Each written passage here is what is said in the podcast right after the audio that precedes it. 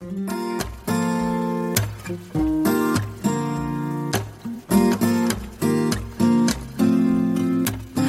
11:11. Hai, selamat datang di You in Eleven Eleven Podcast. Podcast yang akan mencoba meyakinkan kamu bahwa merasa tidak baik-baik saja bukan berarti kamu lemah, payah, atau sedang kehilangan arah. Halo, apa kabar semuanya? Gak kerasa kita sudah memasuki bulan Juli. Udah setengah dari waktu di tahun 2021 ini kita sudah habiskan. Peluh, keluh, resah, dan gelisah yang sudah kita lewati sejauh ini semoga membantu kita untuk membentuk versi terbaik dari diri kita daripada sebelumnya. Oke, biar nggak kelamaan dan nggak kepanjangan intronya, kita langsung masuk saja ke topik untuk episode kali ini. Di episode kali ini, kita akan membahas tentang orang pendiam. Pendiam, jika kita artikan dalam Kamus Besar Bahasa Indonesia, adalah orang yang tidak banyak bicara. Sebenarnya, orang pendiam itu bisa dikategorikan menjadi dua kategori, yaitu pendiam yang merupakan sebuah karakter dari seseorang, serta pendiam with a reason, atau pendiam dengan sebuah alasan. Dan biasanya, pendiam jenis ini tuh ada jangka waktu tertentunya, sampai kapan dia akan diam. Pada konteks ini, terjadi tiba-tiba atau di luar dugaan kita.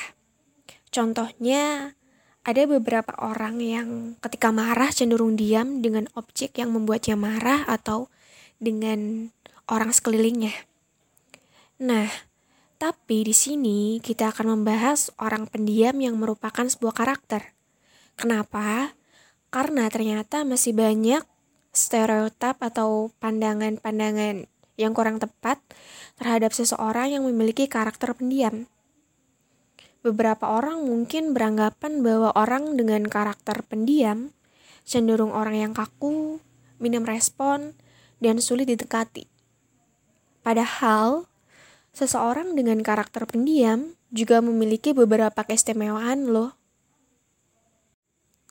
Nah, apa saja keistimewaan tersebut akan kita bahas di podcast kali ini. Oke, keistimewaan yang pertama adalah pendiam atau se seorang yang pendiam merupakan seorang observer atau pengamat. Ketika berada di suatu lingkup sosial, dia lebih sering memposisikan dirinya sebagai pengamat. Dengan demikian, dia bisa memahami karakter dari setiap orang yang dia temui, serta memahami bagaimana memperlakukan orang tersebut dengan benar. Yang kedua, mereka adalah seorang pendengar yang baik.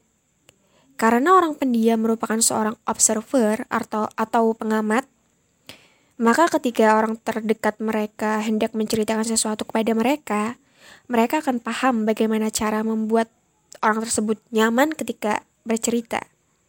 Mereka juga paham porsi dan posisi mereka dan tidak akan memberikan judgement atau mencoba menghardiknya. Nah, yang ketiga, orang pendiam itu sangat mengapresiasi sebuah hubungan. Hubungan di sini bisa berarti hubungan antar teman, dengan pasangannya, hingga keluarga. Orang pendiam cenderung lebih memiliki sedikit teman, daripada orang dengan karakter priang dan isi going. Hal tersebut membuat orang pendiam pandai dalam memprioritaskan orang-orang terdekat mereka. Dan yang terakhir adalah orang pendiam bukan berarti ingin selalu menghabiskan waktunya sendiri. Mereka juga ingin bergaul, berkumpul, bercerita dengan orang-orang terdekat mereka. Nah, ini yang sering disalahartikan oleh banyak orang. Mereka sering kali mengaitkan orang pendiam dengan sosok introvert. Introvert sendiri adalah orang yang lebih enjoy, lebih senang menghabiskan waktunya sendirian dan merasa energinya akan cepat terkuras ketika harus bertemu dengan banyak orang. Nah, padahal tidak selamanya seorang dengan karakter pendiam itu juga sosok yang introvert. Pun sebaliknya, sosok introvert tak selamanya dicirikan dengan orang pendiam. So, Nggak apa-apa bukan jadi orang dengan karakter pendiam? I believe